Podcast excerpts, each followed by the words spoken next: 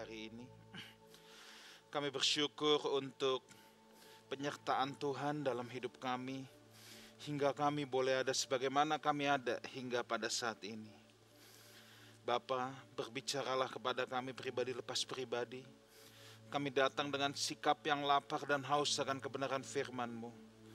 Kami datang Tuhan dengan merendahkan diri kami untuk siap menerima apa yang menjadi isi hati Bapa di tengah-tengah kami.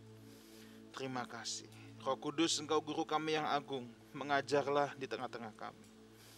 Dalam nama Tuhan Yesus, kami berdoa, kami mengucap syukur. Kami siap menyambut kebenaran firman-Mu. Sama-sama kita katakan, amin. Thank you, praise and worship team. You guys so awesome.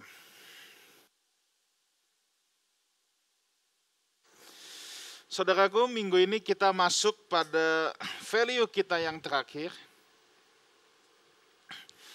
Kita sudah membahas, kita sudah membahas faithfulness, obedience, realign our focus to eternity, holiness, minggu lalu integrity.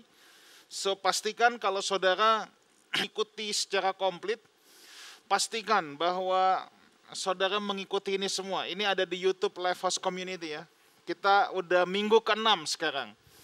Dan hari ini value yang terakhir kita akan bicara tentang maturity atau pendewasaan. Edwin Louis Cole, seorang hamba Tuhan yang sangat luar biasa ya. Beliau sudah almarhum tetapi pelayanannya, jejak pelayanan yang ditinggalkan beliau sangat luar biasa beliau pernah membuat salah satu statement yang sangat luar biasa. Beliau berkata demikian, Edwin Louis Cole. Menjadi tua itu pasti, menjadi dewasa itu pilihan. Statement ini sempat saya lihat di Jalan Sudirman, justru yang pakai iklan rokok, saudara ya. Tapi statement ini, Edwin Louis Cole bilang, menjadi tua itu pasti, menjadi dewasa itu pilihan. Artinya apa? Yes, menjadi tua itu memang pasti. Kita diem di kamar sambil makan mie instan dan main game online tetap tua. Tapi tidak jadi dewasa. Jadi tua itu pasti. Kita do nothing, hanya tidur, bangun, makan, main. Puluhan tahun, jadi tua juga. Tapi untuk jadi dewasa, itu dibutuhkan sebuah pilihan-pilihan dalam hidup kita. Tuhan memberikan perjalanan waktu kepada manusia. Tuhan berikan perjalanan waktu. Nah, perjalanan waktu ini di satu sisi kan kita sedang ada dalam perjalanan waktu ya. Perjalanan waktu setiap kita beda-beda. Ada yang 70 tahun, 80 tahun, 40, 50, 90, kita nggak tahu. Tetapi setiap kita diberikan perjalanan waktu dan perjalanan waktu itu pasti menjadikan kita tua. Kita tidak bisa melawan ini, tetapi sekaligus dalam perjalanan waktu ini kita bisa memilih.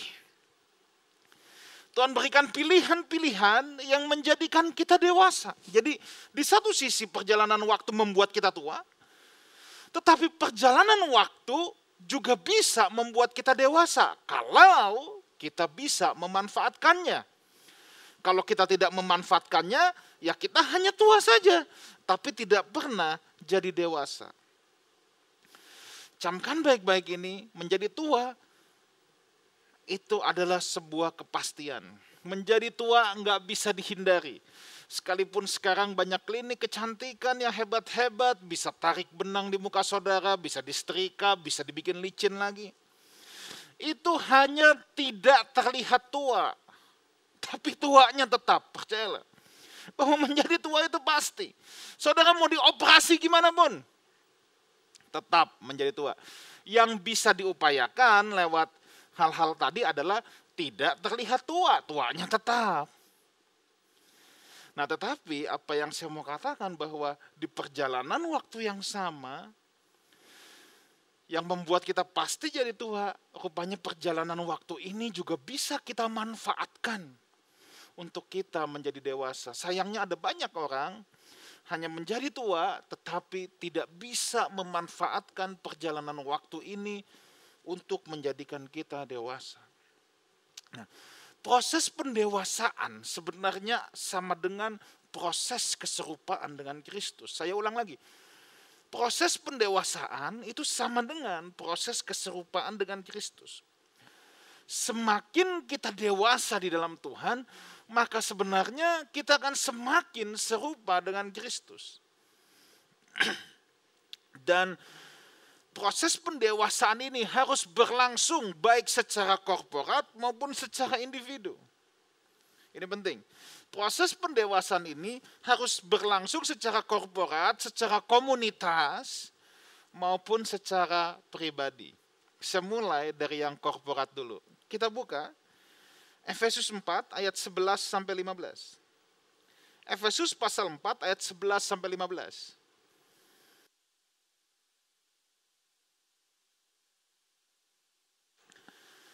dan ialah yang memberikan baik rasul-rasul maupun nabi-nabi, baik pemberita-pemberita Injil maupun gembala-gembala dan pengajar-pengajar awal mula dari sebuah penyesatan. Di sini Alkitab jelas berkata bahwa Tuhan mau kita bertumbuh ke segala hal, dalam segala hal ke arah Dia. Saya hanya gambarkan ilustrasi buat saudara ya. Kalau ini lingkaran, ini ban mobil, misalnya ini ban ya.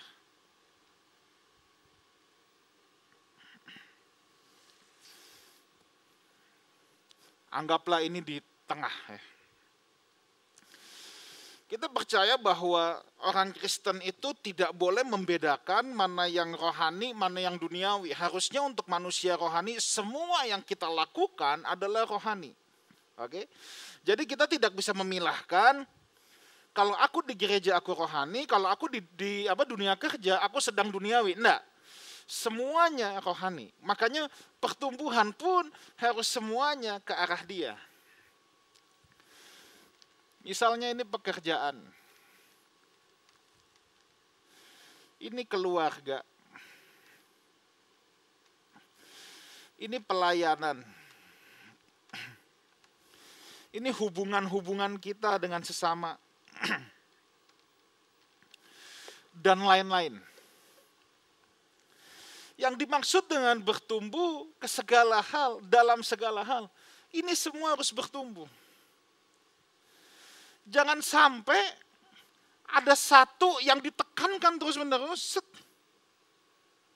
Misalnya pelayanan.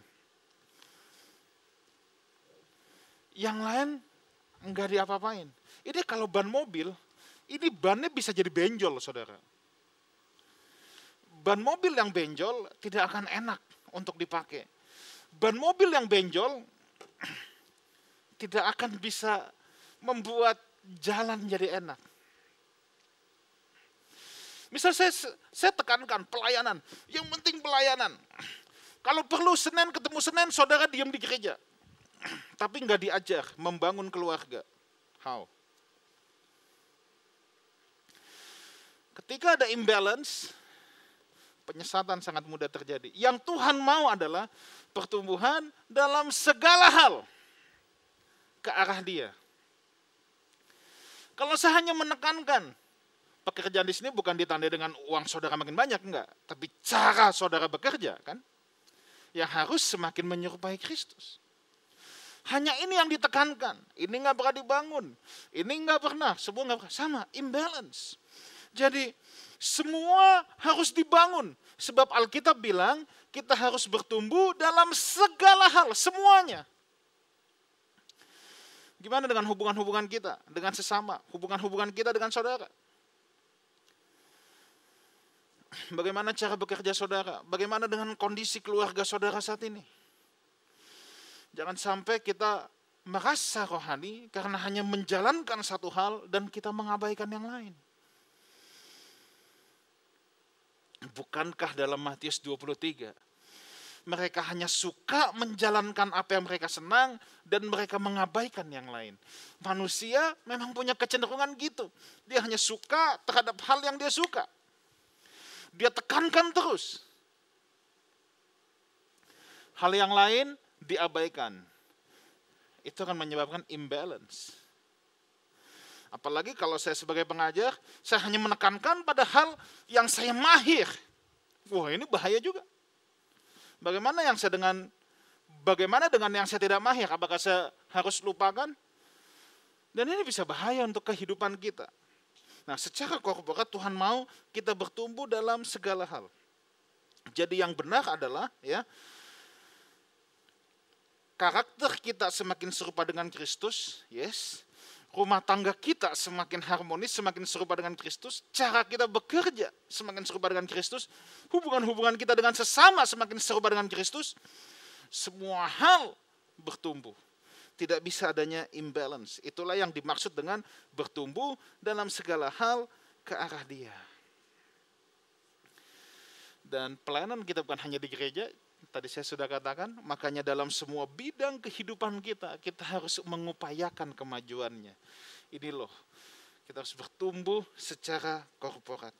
Tuhan menginginkan gerejanya mengalami ketujuh hal. Kalau saudara tadi lihat, di ayat 13 sampai 15 secara cepat saja ya.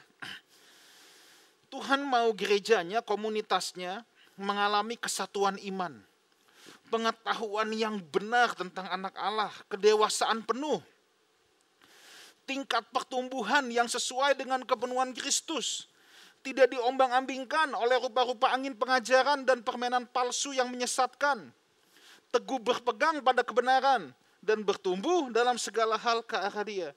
Ketujuh hal ini yang bisa membuat sebuah komunitas, sebuah gereja dewasa dalam Kristus secara korporat. Tuhan mau tujuh hal ini terjadi secara korporat. Kekristenan bukan lone ranger, ya, nggak ada super me, adanya super team, ya, bukan super me. Kedewasaan pun harus korporat. Nah, untuk mencapai ketujuh hal ini, Tuhan kasih fasilitasnya. Nah, itu yang ada di ayat 11 12. Tuhan berikan rasul-rasul, nabi-nabi, penginjil, gembala, guru. Gampangnya gini, implikasinya aja langsung untuk kita secara korporat. Nanti satu saat saya akan terangkan tentang pelayanan lima jawatan, tapi tidak bisa saat ini. Tapi implikasinya tuh gini. Saya sebagai gembala jemaat di tempat ini, ya, di Lifehouse Community, saya harus pastikan bahwa kelima jawatan ini menyentuh pelayanan yang ada di Lifehouse Community. Dan saya harus katakan tidak ada satu orang manusia pun yang punya lima jawatan. Itu hanya Yesus. Saya tidak punya lima jawatan saudara. Saya nggak bisa menyentuh saudara dengan lima-limanya. Karena I'm not a superman. Hanya Yesus yang punya lima jawatan. Rasul Paulus pun tidak punya lima jawatan. Itulah sebabnya saya harus memastikan bahwa kelima jawatan ini menyentuh kita secara korporat dari pemberitaan firman Tuhan. Itu yang saya harus pastikan. Saya harus pastikan ada pelayanan kerasulan. Saya tidak bicara tentang jabatan, tapi fungsi. Harus disentuh dengan pelayanan kenabian, harus disentuh dengan pelayanan penginjilan, harus disentuh dengan pelayanan penggembalaan, harus disentuh dengan pelayanan guru tidak bisa kalau hanya yang penting harmonis di dalam tidak pernah disentuh dengan pelayanan penginjilan. Gereja ini tidak akan bisa jadi misioner dan tidak bisa menjangkau keluar. Kalau hanya pokoknya misioner tapi tidak ada kehangatan di dalam.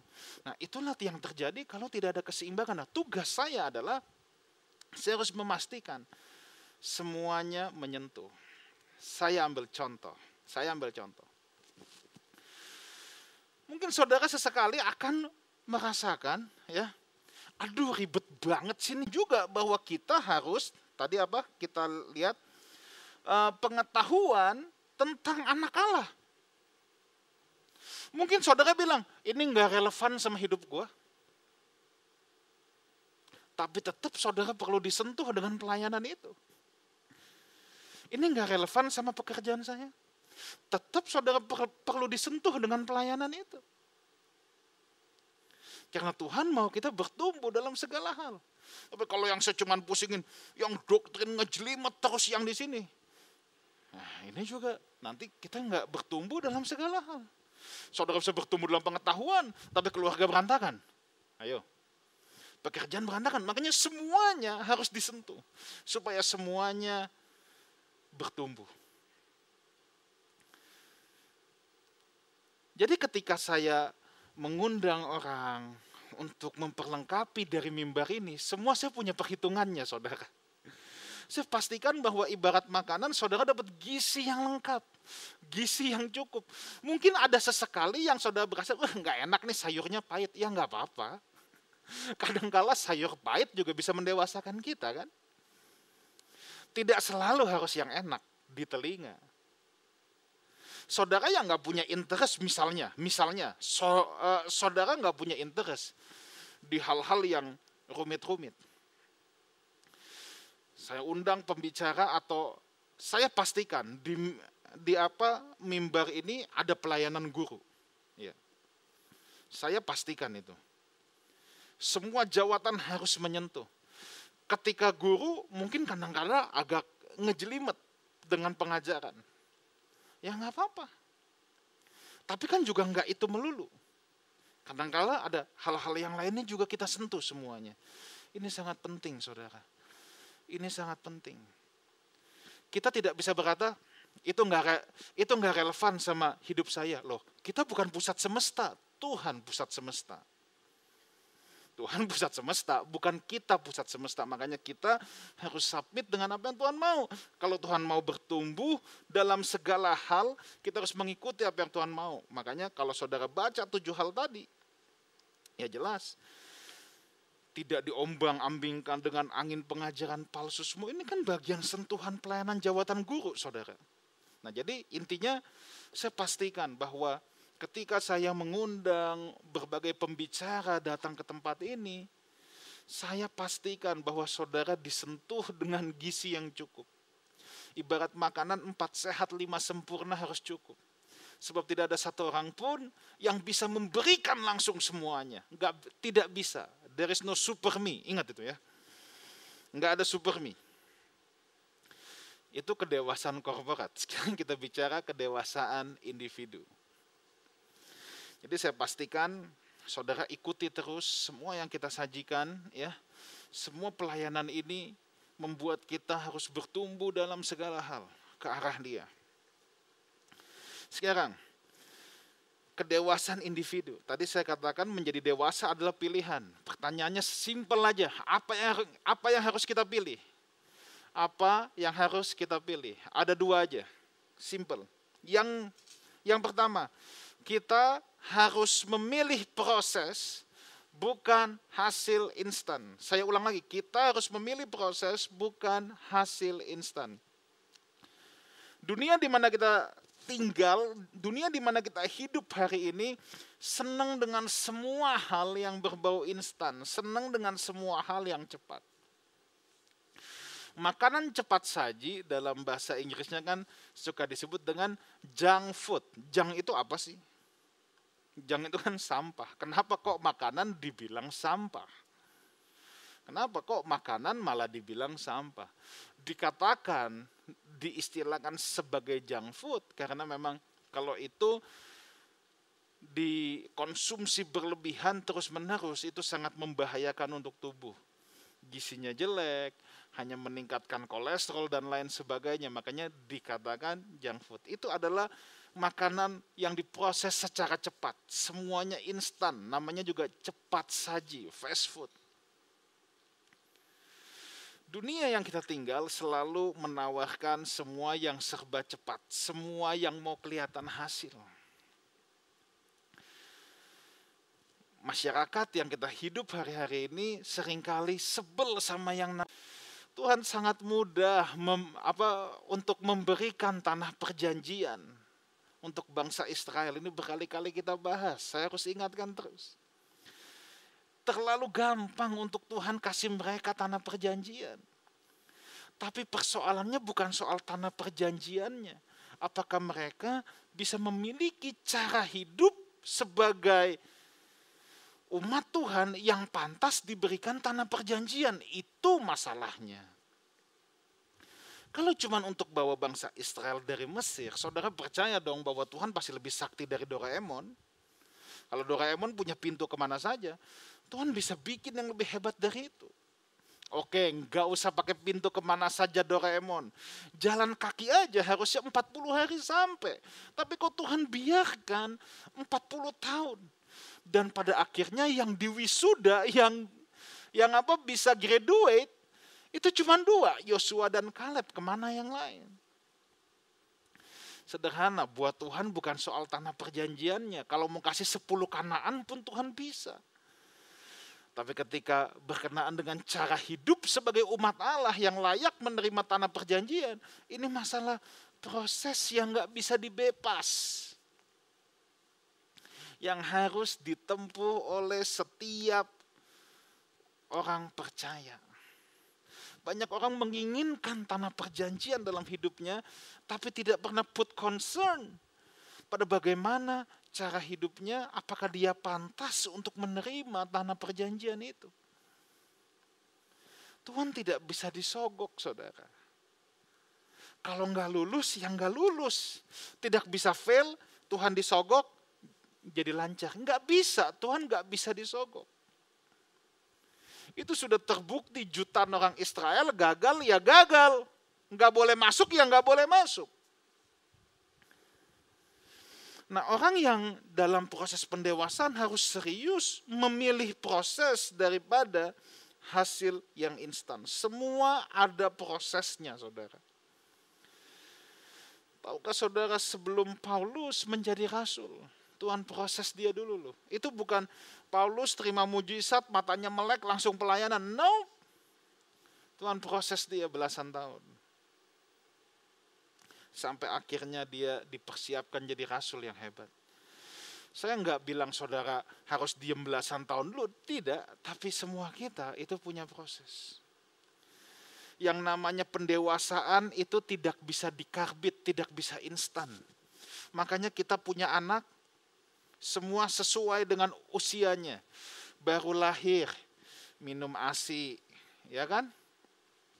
Setelah berapa bulan mulai dicampur biskuit bayi. Kan nggak bisa, eh, nasi padang nak biar kamu cepet gede. Nggak bisa. Come on.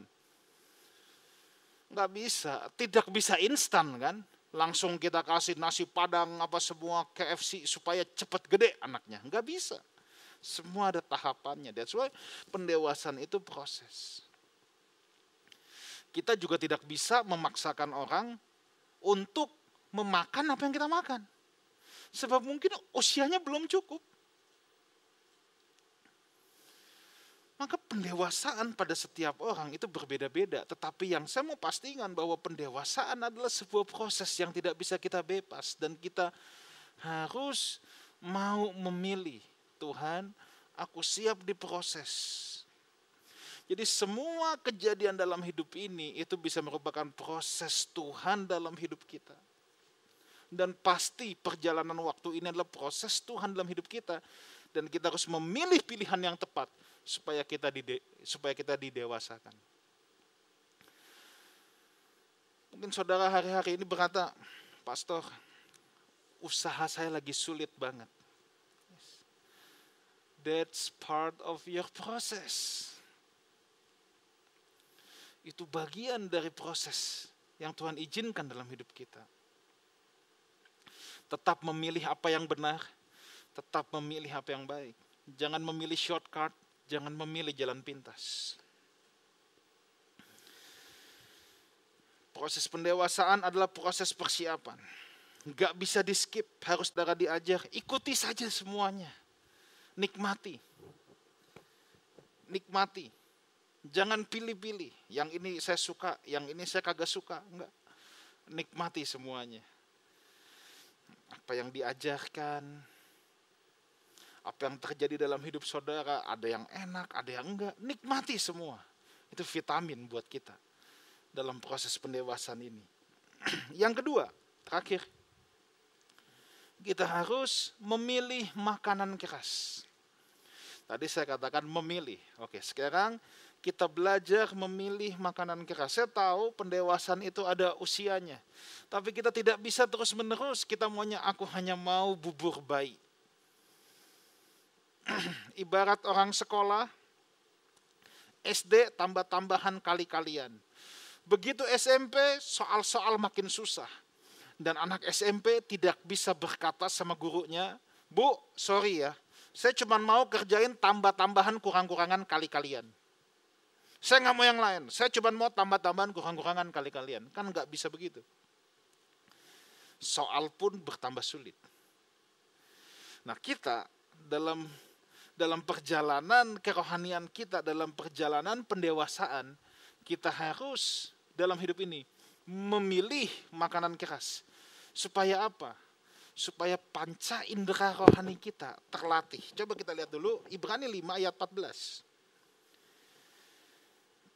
Ibrani 5 ayat 14. Tetapi makanan keras adalah untuk orang-orang dewasa yang karena mempunyai panca indera yang terlatih untuk membedakan yang baik daripada yang jahat. Makanan keras untuk orang dewasa yang punya panca indera yang sudah terlatih. Dulu saya pikir Khotbah yang keras adalah khotbah yang teriakin dosa orang. Khotbah yang keras adalah khotbah yang teriakin jangan berjudi, jangan berzina. Itu bukan khotbah yang keras, suaranya keras. Tapi itu bukan makanan keras. Khotbah-khotbah temple truth itu, kalau saya boleh pinjam kalau saya boleh pinjam istilah temple truth, itu belum makanan keras, belum.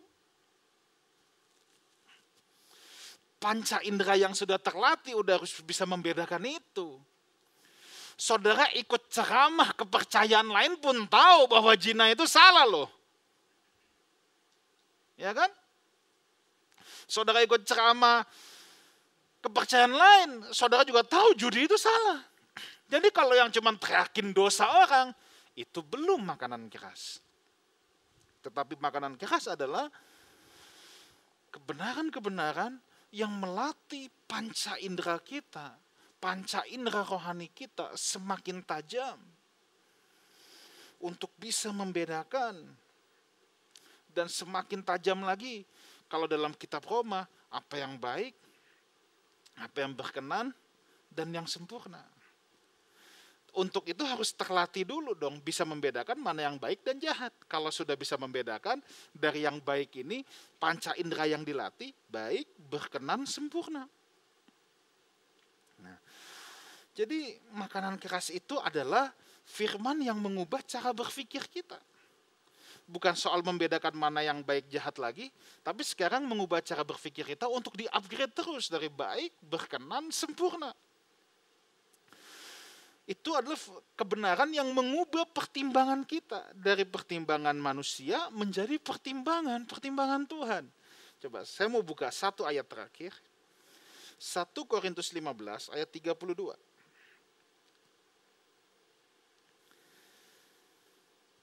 Oke, kalau hanya berdasarkan pertimbangan-pertimbangan manusia saja dalam bahasa Yunani ekata antropon, ya, Aku telah berjuang melawan binatang buas di Efesus. Apakah gunanya hal itu bagiku? Jika orang mati tidak dibangkitkan, maka marilah kita makan minum sebab besok kita mati. Dengan kata lain Paulus mau bilang, kalau cuma dengan pertimbangan manusia, e kata antropon, bukan dengan pertimbangan Tuhan, e kata teos, kalau cuma pertimbangan manusia, ngapain gue susah-susah berjuang? mendingan besok makan minum mati.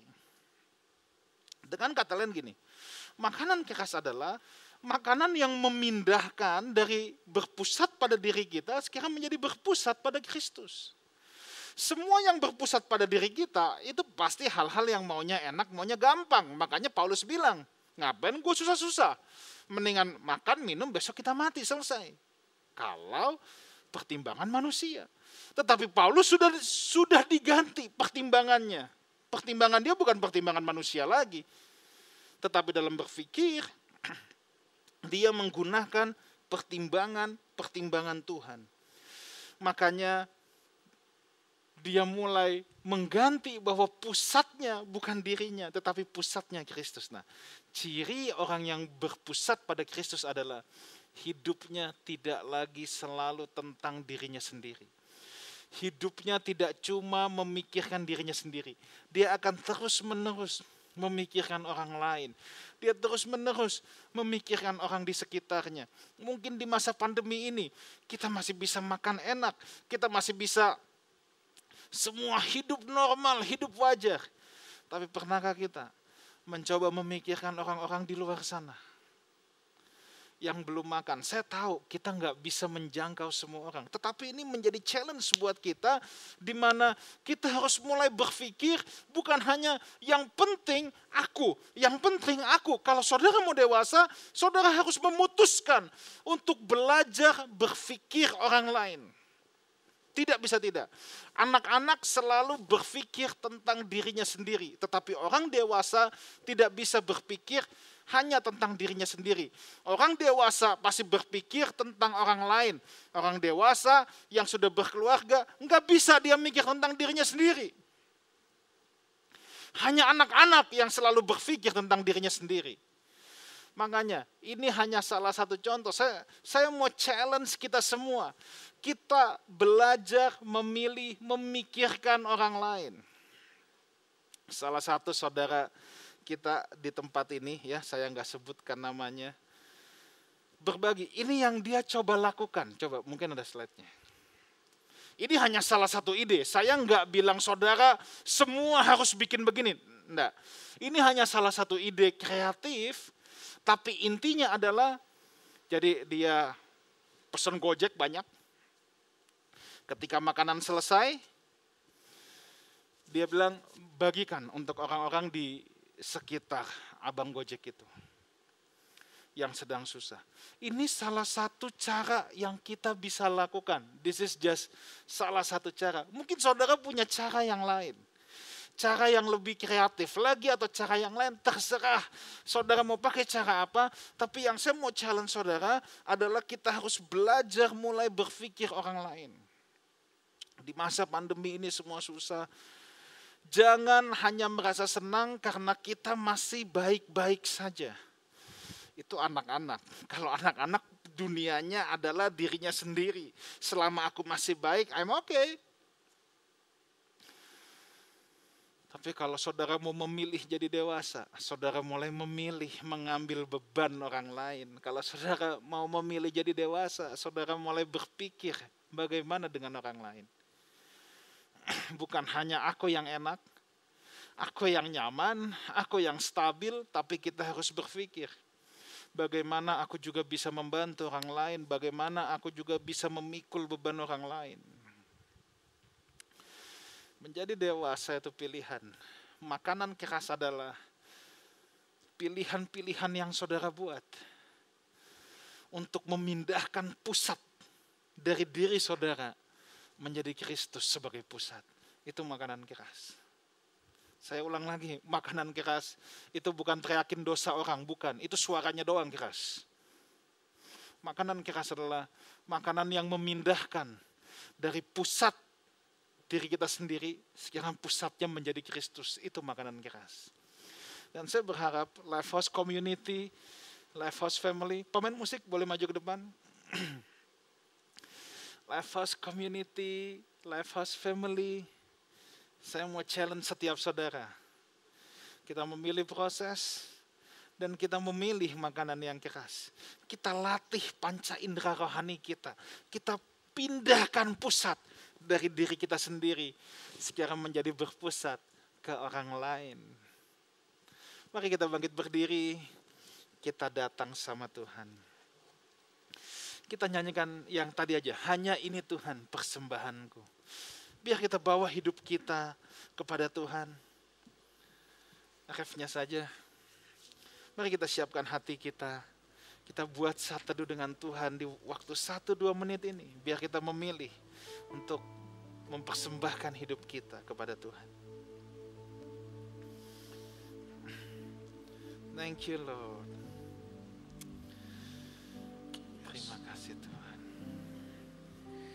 Hanya ini Tuhan persembahan Terima kasih Tuhan. Segenap hidupku jiwa dan ragaku. Sebab tak ku miliki harta kekayaan yang cukup berarti untuk ku persembahkan. Hanya ini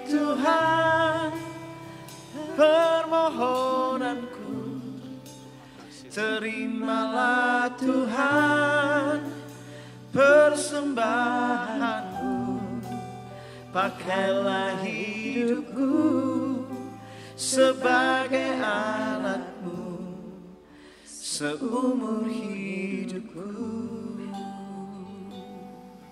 Bapa dalam surga, hamba berhenti berbicara, aku berdoa Tuhan. Kiranya komunitas ini boleh terus bertumbuh. Secara korporat, secara individu. Kami mau bertumbuh Tuhan dalam segala hal ke arah Engkau. Kau yang matraikan kebenaran firman-Mu, biarlah kami di hari-hari ke depan kami boleh terus memilih hal-hal yang menjadikan kami dewasa. Kami boleh memilih terus untuk memindahkan pusat dari dunia kami menjadi Kristus yang menjadi pusat. Terima kasih Bapak, matraikan kebenaran firman-Mu ini supaya terukir kuat dalam setiap nurani anak-anak-Mu. Terima kasih dalam nama Tuhan Yesus kami berdoa. Amin.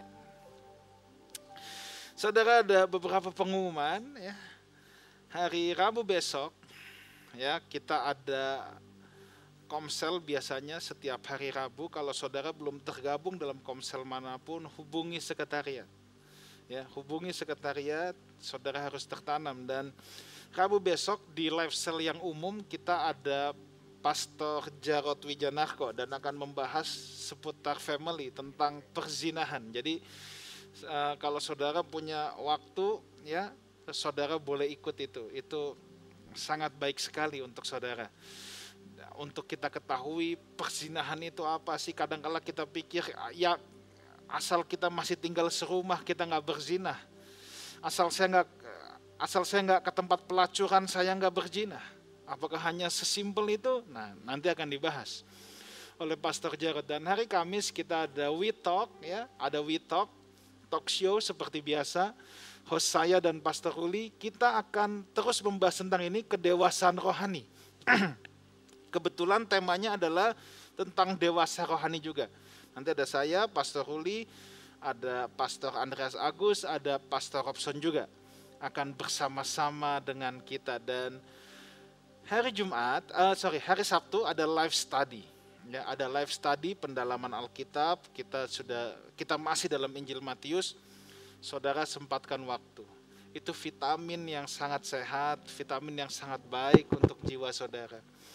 Jangan lupa juga subscribe dan follow Instagram Life House Community. Di sana ada live message, ada renungan harian, makanan rohani saudara. Setiap pagi sudah dipost. Jadi saudara bisa merenungkan itu. Life House Music juga ada pujian penyembahan ya yang akan sangat memberkati saudara. Baik, sekian saja pengumumannya. Kita akan akhiri Sunday service kita. Kita bangkit berdiri semuanya dan kita akhiri ibadah ini. Di mana pun saudara berada, saudara boleh angkat tangan saudara, ucapkan syukur sama Tuhan.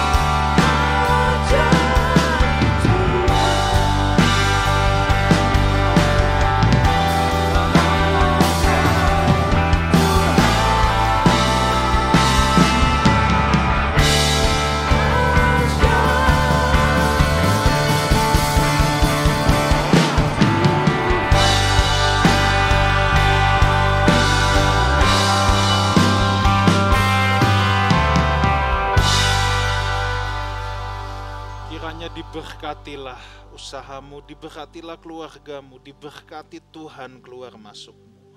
Diberkati Tuhan hubungan-hubunganmu, diberkati Tuhan apa pun yang kau kerjakan. Sebab kita semua punya tugas untuk menjadi berkat di mana pun kita berada.